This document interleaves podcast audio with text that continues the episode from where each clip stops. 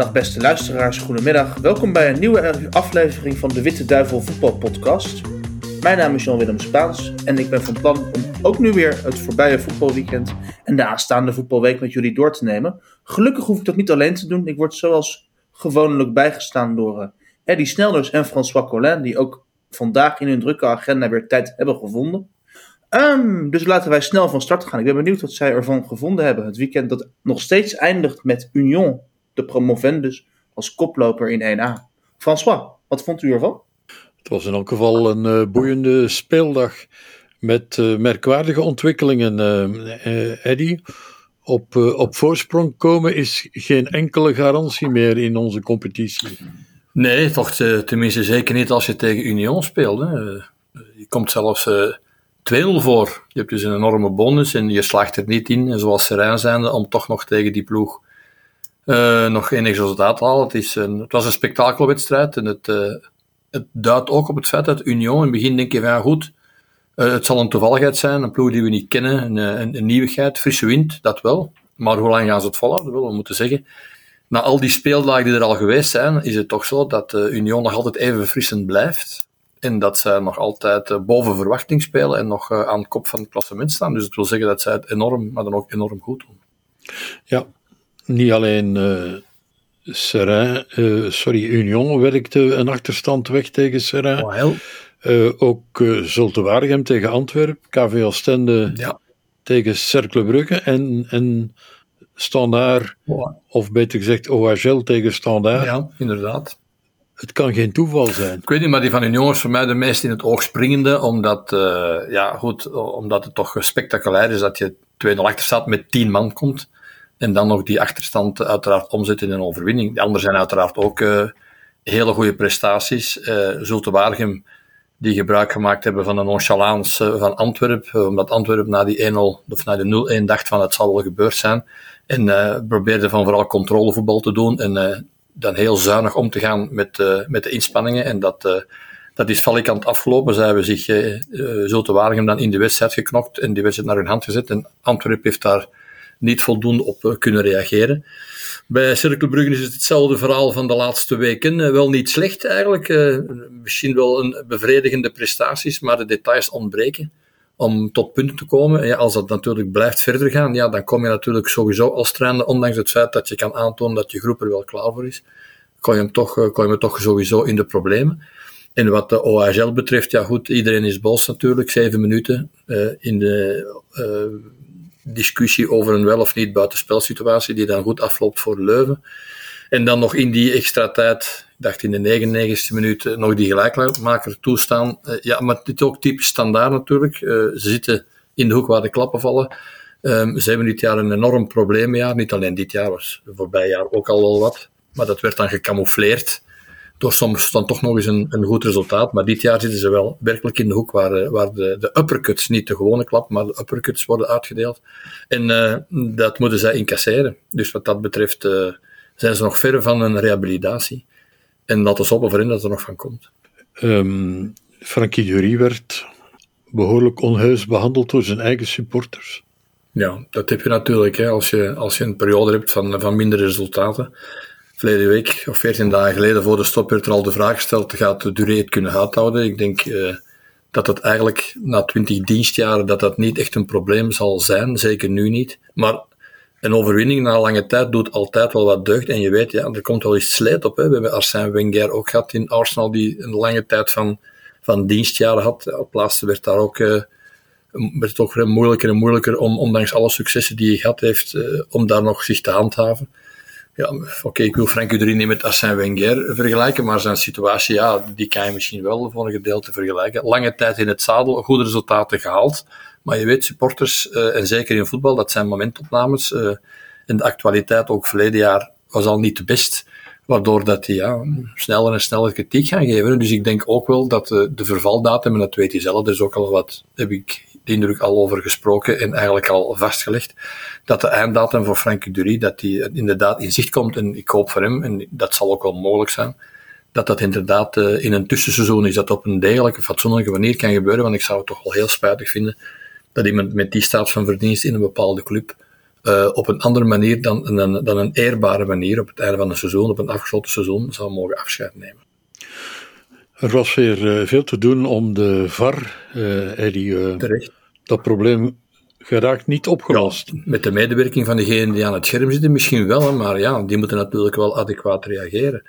Ik vind het buitenspelsituatie dat lang duurt, daar kan je nog wat, uh, daar, daar, moet je nog wat uh, begrip voor tonen.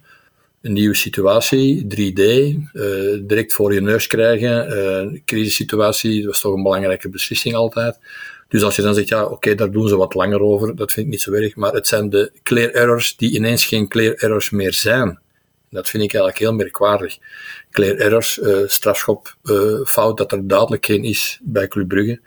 Strafschopfout, uh, ik geloof ook, ook in Genk, in Gent, op Sint-Truiden. Allemaal duidelijke situaties waar de scheidsrechters achter het scherm, ergens in Tubeke, niet meer op reageren. En dat vind ik eigenlijk, ja, iedereen ziet het van veraf, dus ik veronderstel dat zij dat toch ook wel zien. Dat zijn geen dubieuze zaken, dat waren allemaal duidelijke, duidelijke wel of niet overtredingen die niet goed door de scheidsrechter werden geïnterpreteerd, daar ben je dan eigenlijk voor als VAR.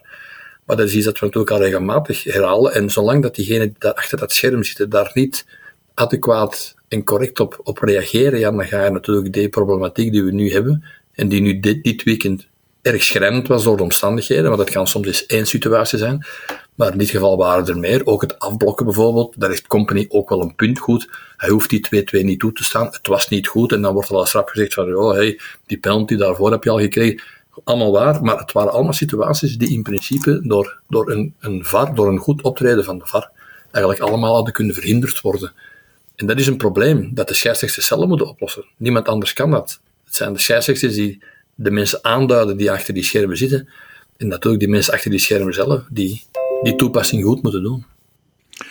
Onze topploegen, uh, uh, die blinken uit door wisselvalligheid. Ja. Uh, heb je daar een verklaring voor? Anderlecht, matig, Racing Genk, verloren, Antwerpen verloren.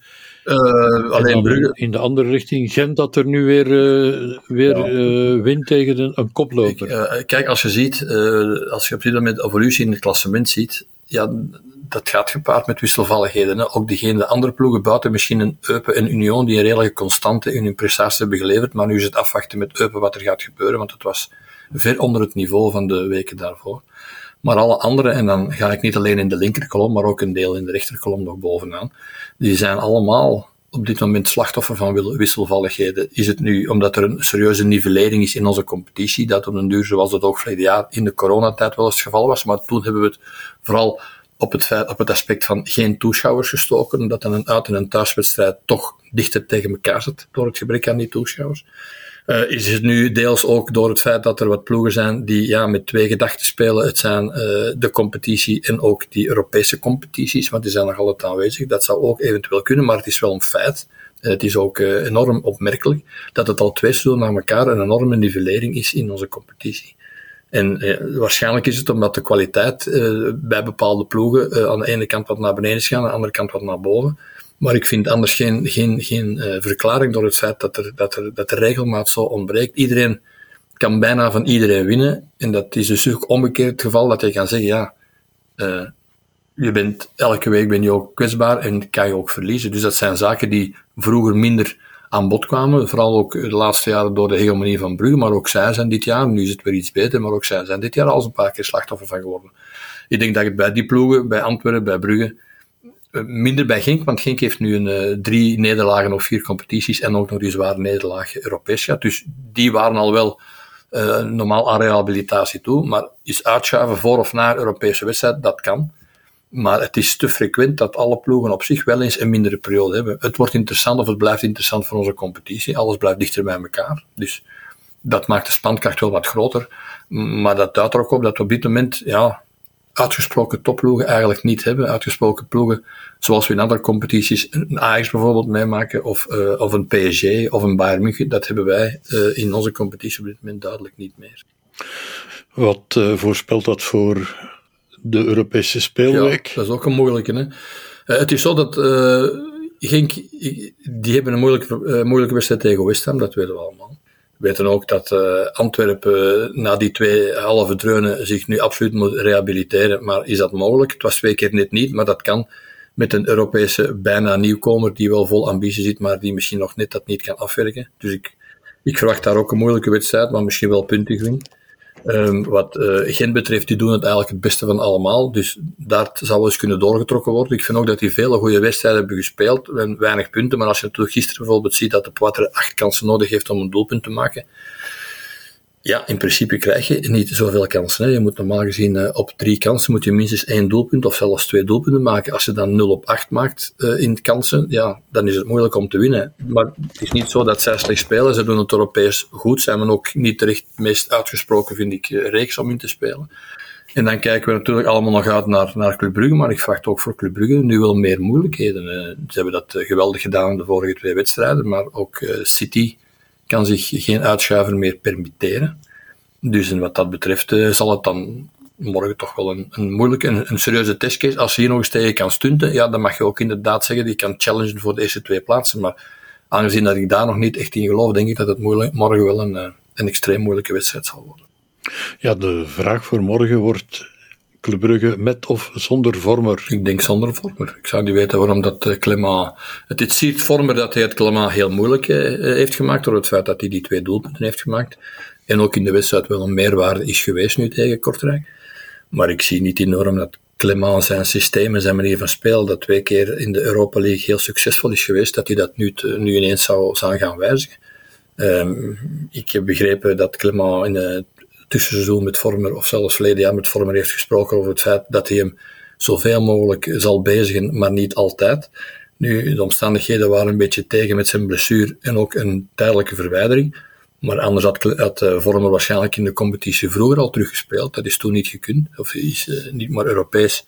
Vind ik dat zijn ploeg uh, een goed evenwicht heeft tot nu toe. En dan denk ik nog altijd dat, dat het zonder Vormer zal zijn eigenlijk. Tot slot, Eddie. Antwerpen stapt naar de rechtbank. zes voetbalbelgen. Vinden ze te veel? Op 18, dat vinden ze te veel. Ja, dat is natuurlijk een van de straapdrukkingen. En de vraag is maar, gaan ze dat niet kunnen halen, ja of nee? Want, want al bij al is dat een regel, denk ik, die er ingevoerd is ter bescherming van de Belgische spelers. Maar ik weet niet of die inderdaad wettelijk is. Ik vind het flauw, want die reglementering die werd door iedereen toegepast. En iedereen heeft dat gedaan, vooral uh, voor de bescherming en voor het laten doorstromen van, uh, van eigen jeugd of uh, eigen, eigen mensen. Ik, ja, ik vind het eigenlijk tristig moet ik eerlijk toegeven. Ik, ik vind als je zelf dan aan je ploeg aan het bouwen zit, dan moet je daar ook maar rekening mee. We weten dat het een jacht is en een, op, op Belgen, vooral om Belgen binnen te krijgen, niet allemaal om te spelen, maar vooral om Belgen op het, op het scheidsrechtersblad te krijgen, om die, om, die, om die regel niet te moeten omzeilen. Dus zij gaan niet de enige zijn die daar gelukkig mee zijn in geval dat het zal afgeschaft worden. Dat zeker niet, maar ik vind het wel spijtig uh, in, voor, voor de toekomst, voor je, eigen, voor je eigen jeugd, voor je eigen doorstroming. Want die gaat dan toch, uh, moest dat er doorkomen, die gaat dan toch een serieuze belemmering krijgen. Dan heb je al twee deuken. De eerste deuk is dat je je eigen trainers in principe nog nergens niet hebt want die hebben een heel strenge licentie. Uh, periode, waar dat je dus school moet volgen. Dan mogen maar een beperkt aantal trainers aan deelnemen. En als je dan ziet wat daar allemaal eigenlijk echt effectief aan het werk geraakt, dat is dan heel beperkt. Er zijn al weinig plaatsen en die worden nog eens afgeremd door het feit dat er heel veel buitenlanders komen. Maar daar zijn geen regels voor, blijkbaar. Maar als je dat dan ook eens met de spelers gaat doen, ja, dan dus ziet er van je eigen, van je eigen werking, die de bond dan toch heeft, nog heel weinig over. En dat vind ik eigenlijk wel spijtig. Oké, bedankt Eddie. Uh, en we kijken uit naar uh, Club Brugge tegen Man City. Alleszins, graag gedaan. En daarmee is een einde gekomen aan deze aflevering van de voetbalpodcast van de Witte Duivel. Ik dank u allen voor het luisteren. We hopen allemaal op een mooi resultaat voor Club Brugge dinsdagavond op Jan Rijdel tegen Manchester City. En ik hoop dat we u bij onze volgende afleveringen weer mogen begroeten. Tot ziens.